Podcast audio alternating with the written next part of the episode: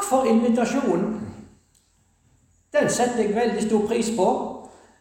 Og fra det øyeblikket jeg fikk invitasjonen, så hadde jeg gledd meg Jeg gledde meg ja, hele tida for å komme sammen med dere og treffe dere, og ikke minst være sammen om Guds ord og i fellesskap. Eh, fordi at når vi er samla til sånne møter, så er det å, det er sånne viktige møter. Eh, det arrangeres jo mange, mange møter rundt omkring. Politiske møter og møter på toppnivå. Klimatoppmøter f.eks. blir jo omtalt som ja, som verdens viktigste møter. Hva skal vi gjøre for å redde kloden vår? Og så legges det ned veldige ressurser eh, på det. Og så blir det omtalt som de, disse sånne klimatoppmøter da, som verdens viktigste møter, der eh, verdens ledere må komme sammen og forene sine krefter. Er det det som er de viktigste møtene? Nei, jeg vil si det at de viktigste møtene vi har på denne jorda, det er faktisk de kristne møtene der vi, der vi kommer sammen i by og bygd, og der vi samles om Guds ord. Fordi at der alle andre møter handler om eh, livet her på jorda, så handler disse møtene her, når vi bruker, når vi bruker Bibelen, og i møte med Bibelen, så handler disse møtene om det som har med evigheten å gjøre. Og det er noe annet enn bare det som gjelder livet her på jorda, som er så uendelig kort. Så vi er faktisk samla til det viktigste møtet. Vi er faktisk samla til stormøte. Og det er vi faktisk. Og det jeg har lyst til å si til å begynne med. Å få løfta dette fram, sånn at du, du ser verdien av det. Hvor stort det er at vi kan samles om Guds ord. Så vi må be om at eh, Gud må ta, ta seg hånd om oss disse dagene slik at ordet får nå inn til oss og gjøre sin gjerning i oss. Skal vi be sammen? Kjære Herre Jesus, jeg takker deg for at jeg skal få lov å komme til deg. Og jeg har lyst til først og fremst takke deg at jeg skal få lov å være ditt barn. At jeg skal få lov å tilhøre deg. At du redder meg ut ifra den største nød og den største fare som ethvert menneske er i, nemlig min sønn. Og du redda meg, og du frelste meg, og du berga meg. Vi takker deg, Jesus, for at vi får anledning nå til å samles der på Solgry. Og vi ber om at disse dagene må få bli til hjelp for oss, til oppbyggelse, og at du kan nå oss så må du hjelpe meg her jeg står i denne stund, til å være en formidler av ditt ord. At vi kan få hjelpe hverandre på himmelveien. Amen.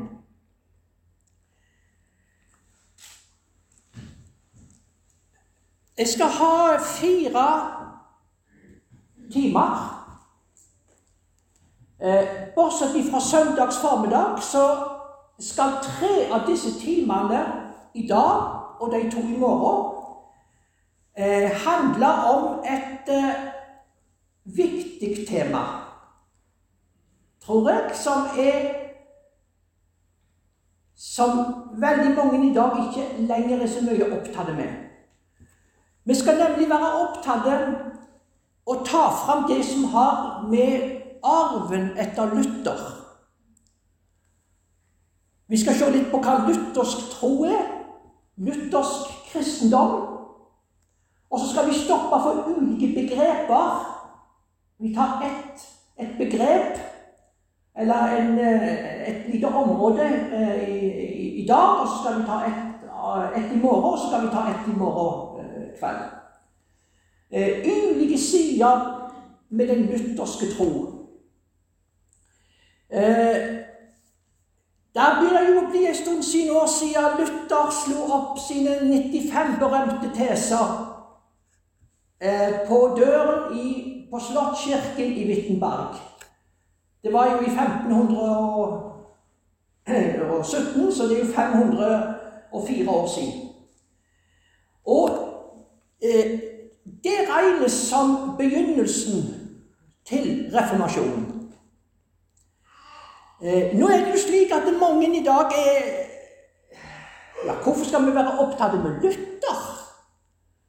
Luther var jo en mann med sine feil og med sine mangler. og Nei, Luther, nei. Nei, vi bryr oss ikke lenger om Luther.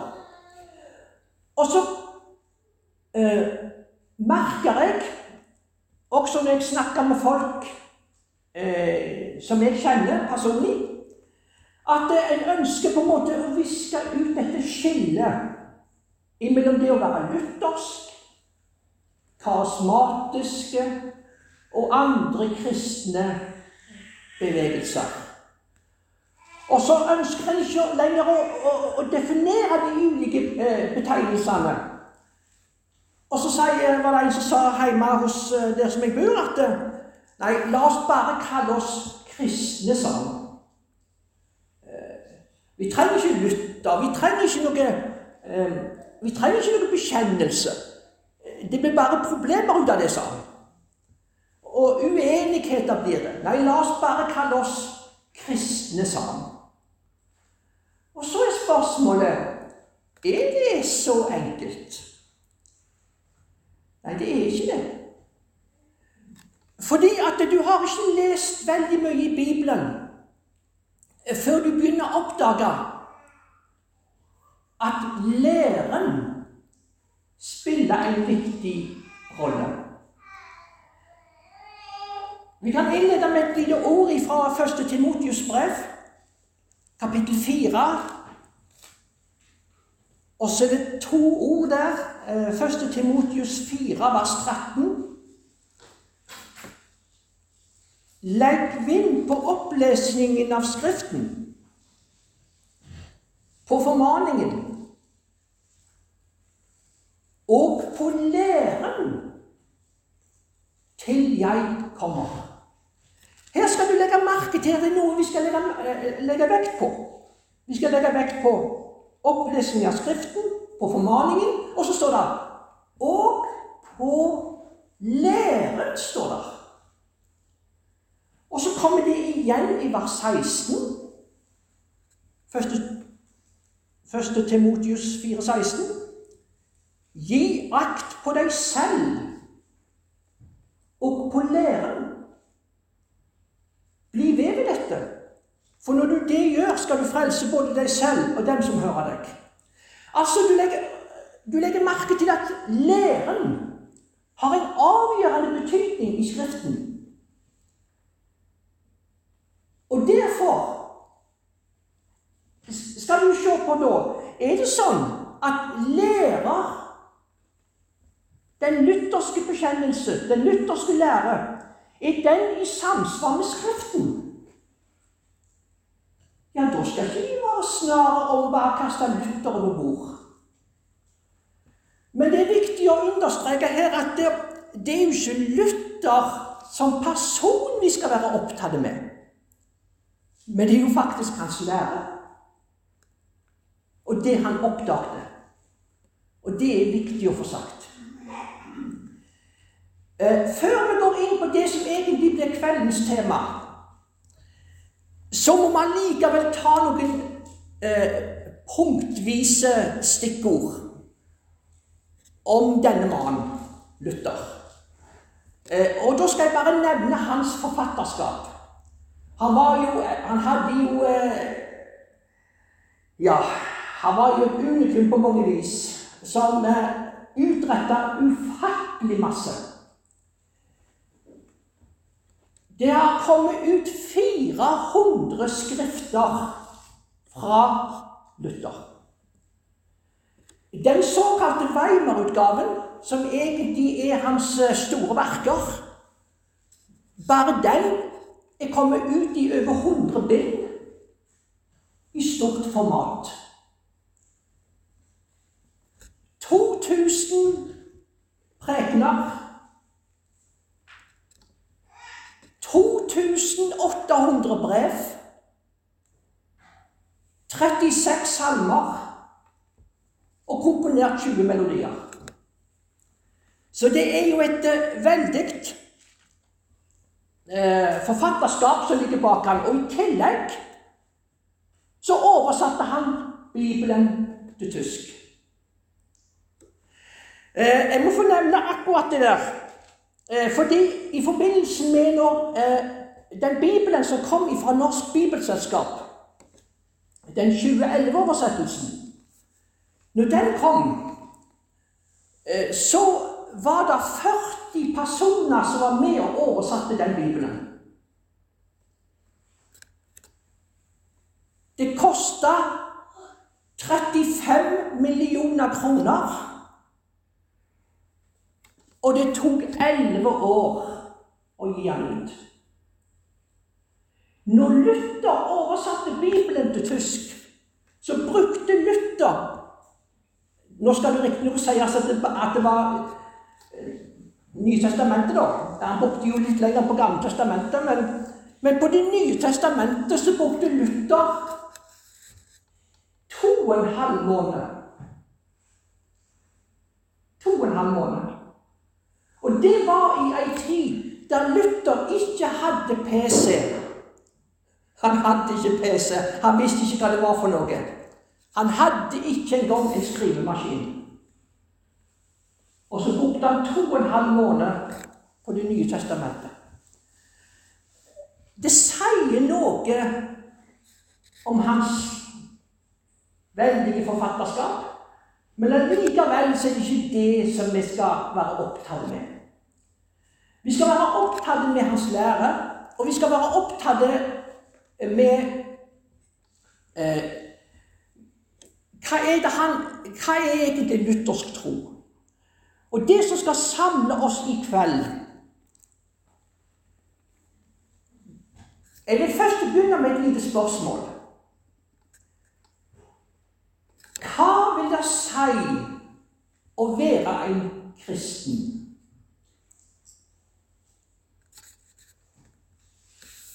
Hva vil det si å være en kristen? Og da har Luther utforma Eller det kommer det, det, det, er et begrep, en, en, en, en setning, som på latin lyder slik Simul justus et peccator. Simul justus et peccator. Det er det som skal samle oss i kveld. Og hva betyr det uttrykket? Det betyr samtidig rettferdig og en synder på samme tid. Samtidig rettferdig for Gud og en synder på samme tid. Og nå er vi inne med noe som er veldig, veldig fremmed for mange, altså. Og dette er jo egentlig en veldig fremmed måte å snakke på, egentlig. Eh, for når vi sier det Samtidig rettferdig og en synder på samme tid. Da tenker vi jo med det at ja, men det går jo ikke an. Det er jo, det er jo helt, helt, helt umulig. Der er en eh, mann innenfor eh, trosbevegelsen som heter Åge Åleskjær. Og han har sagt følgende Og nå skal jeg lese hva han har sagt. Han sier følgende sitat Den frelste er ferdig med synden. Han er død fra synden, og han er gått over til et nytt liv. Hvis du er frelst, er du med andre ord ikke lenger i den syndige natur. Du er i Ånden. Derfor er det ikke noe som heter en frelst synder. Sitat slutt. Det er ikke noe som heter en frelst synder. Og dette er jo egentlig kommer jo i den skarpeste motsetning når Luther formulerer seg på denne måten. Simul justus et peccator. Samtidig rettferdig og en synder på samme tid. Går det virkelig an? Er dette Bibelens måte å tenke på? Ja, det er det som er det store spørsmålet. Én ting er hva Luther sier om det.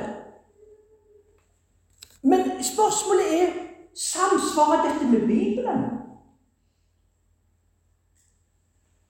Vi kan ta et lite bilde nå.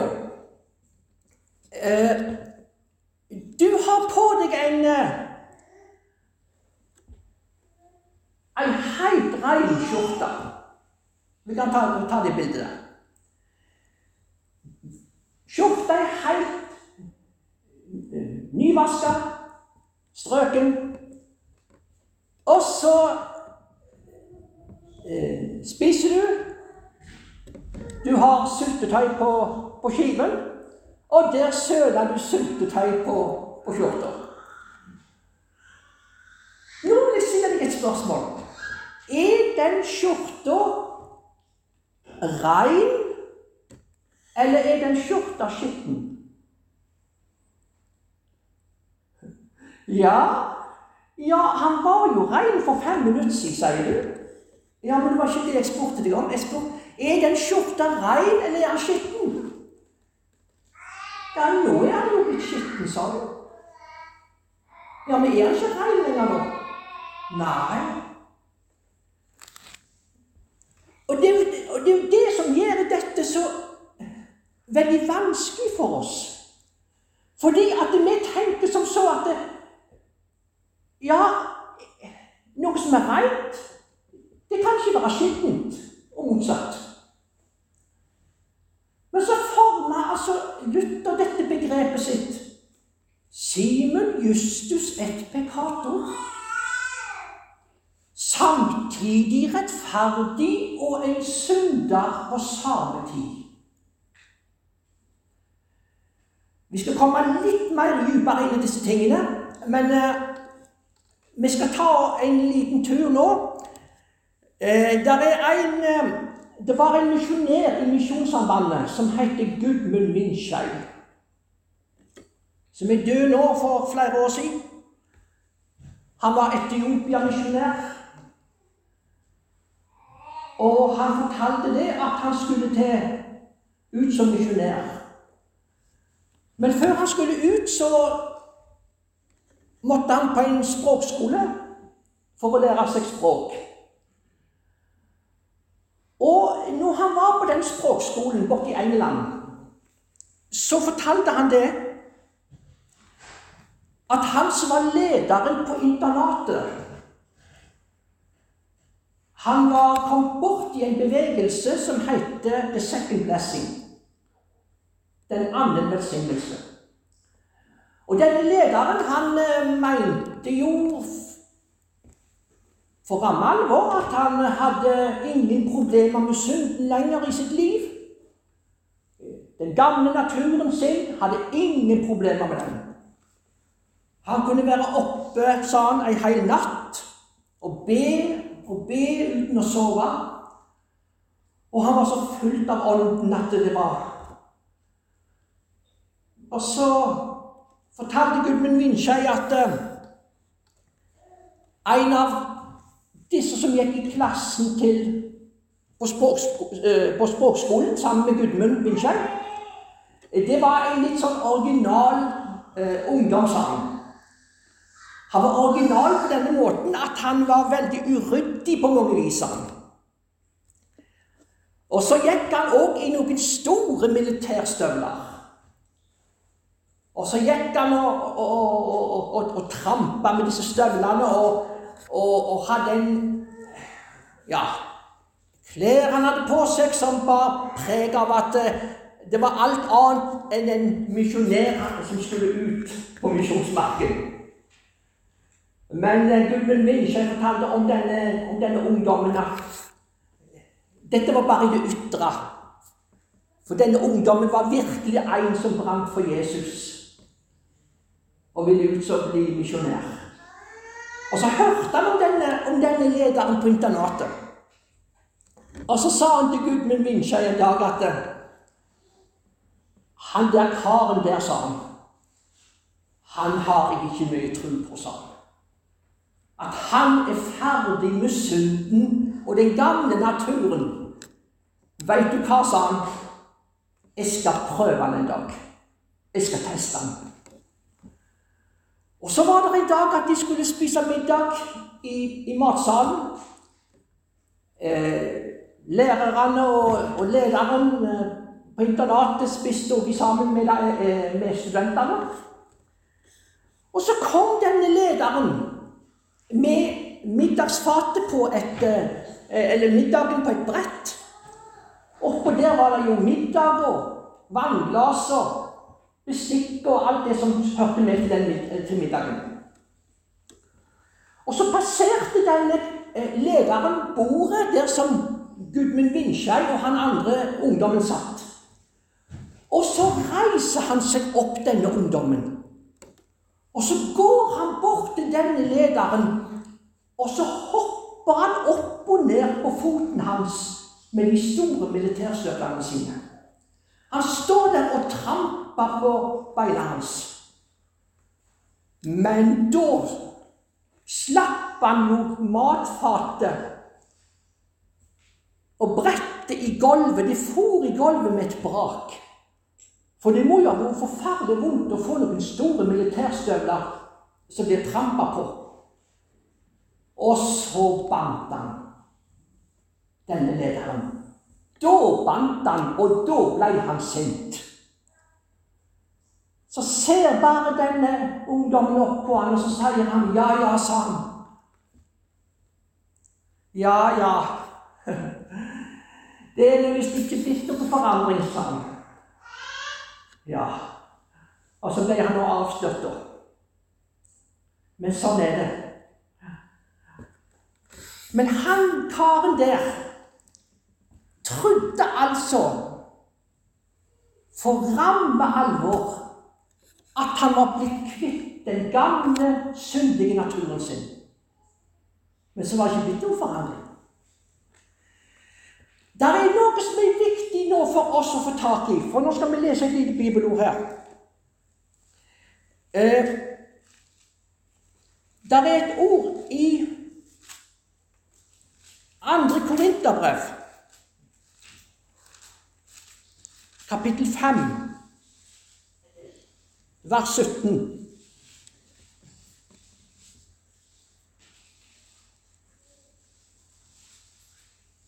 Andre Korinterbrev, kapittel 5, vers 17. Dersom noen er i Kristus, da er han en ny skapning. Det gamle er forbi. Se, alt er blitt nytt. Dette er et bibelord som skaper problemer for mange ærlige kristne. Og hvordan henger dette bibelordet seg sammen med dette uttrykket 'Simen justus et pekator? Samtidig synder og rettferdig på samme tid. Så er du kommet til Solgry denne helga her. Og så og så kjenner du på, du kjenner på noe her inne, du òg. At det er ikke alltid sånn, jeg er ikke alltid sånn som jeg skulle være. Det er ikke alltid så lett alltid å sette ord på hva du føler. Og det er ikke alltid så lett å sette ord på hva du kjenner. Men du kjenner på noe her inne i hjertet som ikke er sånn som det skal være. Du kjenner det liksom litt sånn Ja, litt sånn halvhjerta. Har ikke denne nøden for de ufrelste som vi skulle egentlig ha. Leser lite i Bibelen gjør jeg òg. Ber lite. Kjenner opp litt sånn ureine tanker. Jeg var en plass langt herifra. Sto i en resepsjon, og så snudde jeg meg. Og oppe på resepsjonen så sto følgende Det sto en liten plakat, og der sto følgende setning Jeg kan motstå alt her i livet, unntatt fristelser. Og da måtte jeg være enig ja. Jeg kan motstå alt her i livet, unntatt fristelser.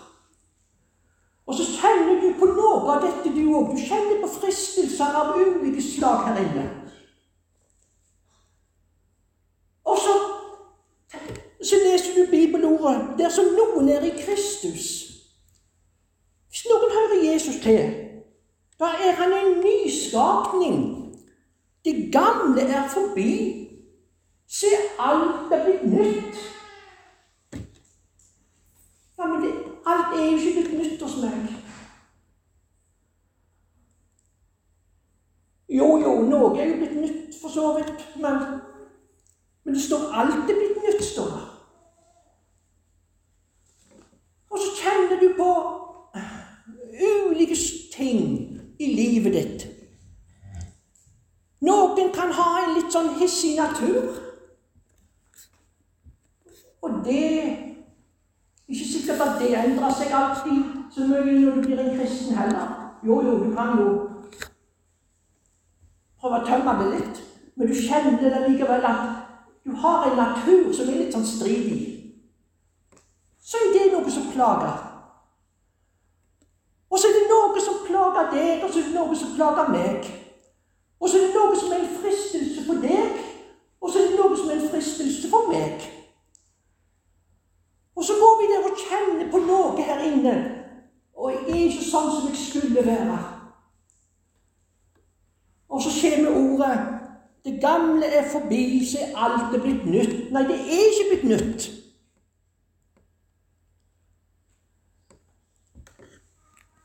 Det er noe som er viktig for deg nå. Å bli enige bli enige med nå. Det er noe i deg som aldri blir annerledes. Er det vanskelig å godta det? Så lenge du lever her på jorda, så er det noe i deg som aldri blir annerledes. Men så kommer ordet til oss igjen. Simon Justus, et pekkator, samtidig rettferdig og en synder på samme tid. Hvordan skal, vi, hvordan skal vi balansere dette inn i livet vårt?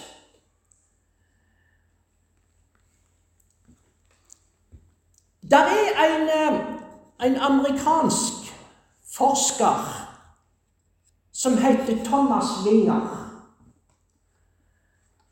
Har skrevet en lengre, en lengre artikkel om dette uttrykket. Og i den artikkelen så er Thomas Winger inne på dette, hvordan Luther anvender dette uttrykket i forskjellige, eh, ja, på forskjellige måter. da. Og jeg skal nevne én plass der han Thomas Winger peker på hvor Luther anvender dette uttrykket sitt. Fordi eh, i den artikkelen som han Thomas Winger har skrevet så viser han til at det første gangen Luther bruker dette uttrykket, det er i en romerbrevskommentar fra 1515. Og da Luther skal prøve å anvende dette, hva vil det si å være samtidig rettferdig og en synder på samme tid? Så bruker Luther et bibelord som vi nå skal se på. Det er Romerbrevet kapittel 4. Romerbrevet kapittel 4.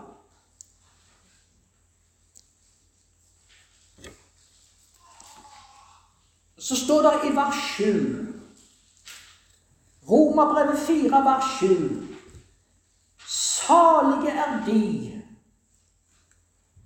som har fått sine overtredelser tilgitt og sine synder skyldt. Salig er den mann som Herren ikke tilregner synd. Når Luther skal anvende dette begrepet, Simen Justus et at du er samtidig rettferdig og en synder på samme tida, så tar han tak i disse to små ordene ifra vers 7. Tilgitt og skjult. Tilgitt og skjult. Og så vil Luther med det forklare at synden er i verden. Den blir du ikke kvitt. Synden er i hvert eneste menneske på denne jord. Synden er i hvert eneste kristent menneske på denne jorda. Og synden er i hvert eneste menneske her inne i denne salen i dag. Men så sier Luther men den synd som finnes, den er både tilgitt og skjult for Gud. Er det ikke godt? Det er noe som er tilgitt, og det er noe som er skjult. Ja, han sier at synden er vekke. Han sier at synden er fjerna. Men han sier med at han bruker dette uttrykket her fra vers 7, så vil han med det si synden er tilgitt. Og den er skjult for Gud. ikke det godt?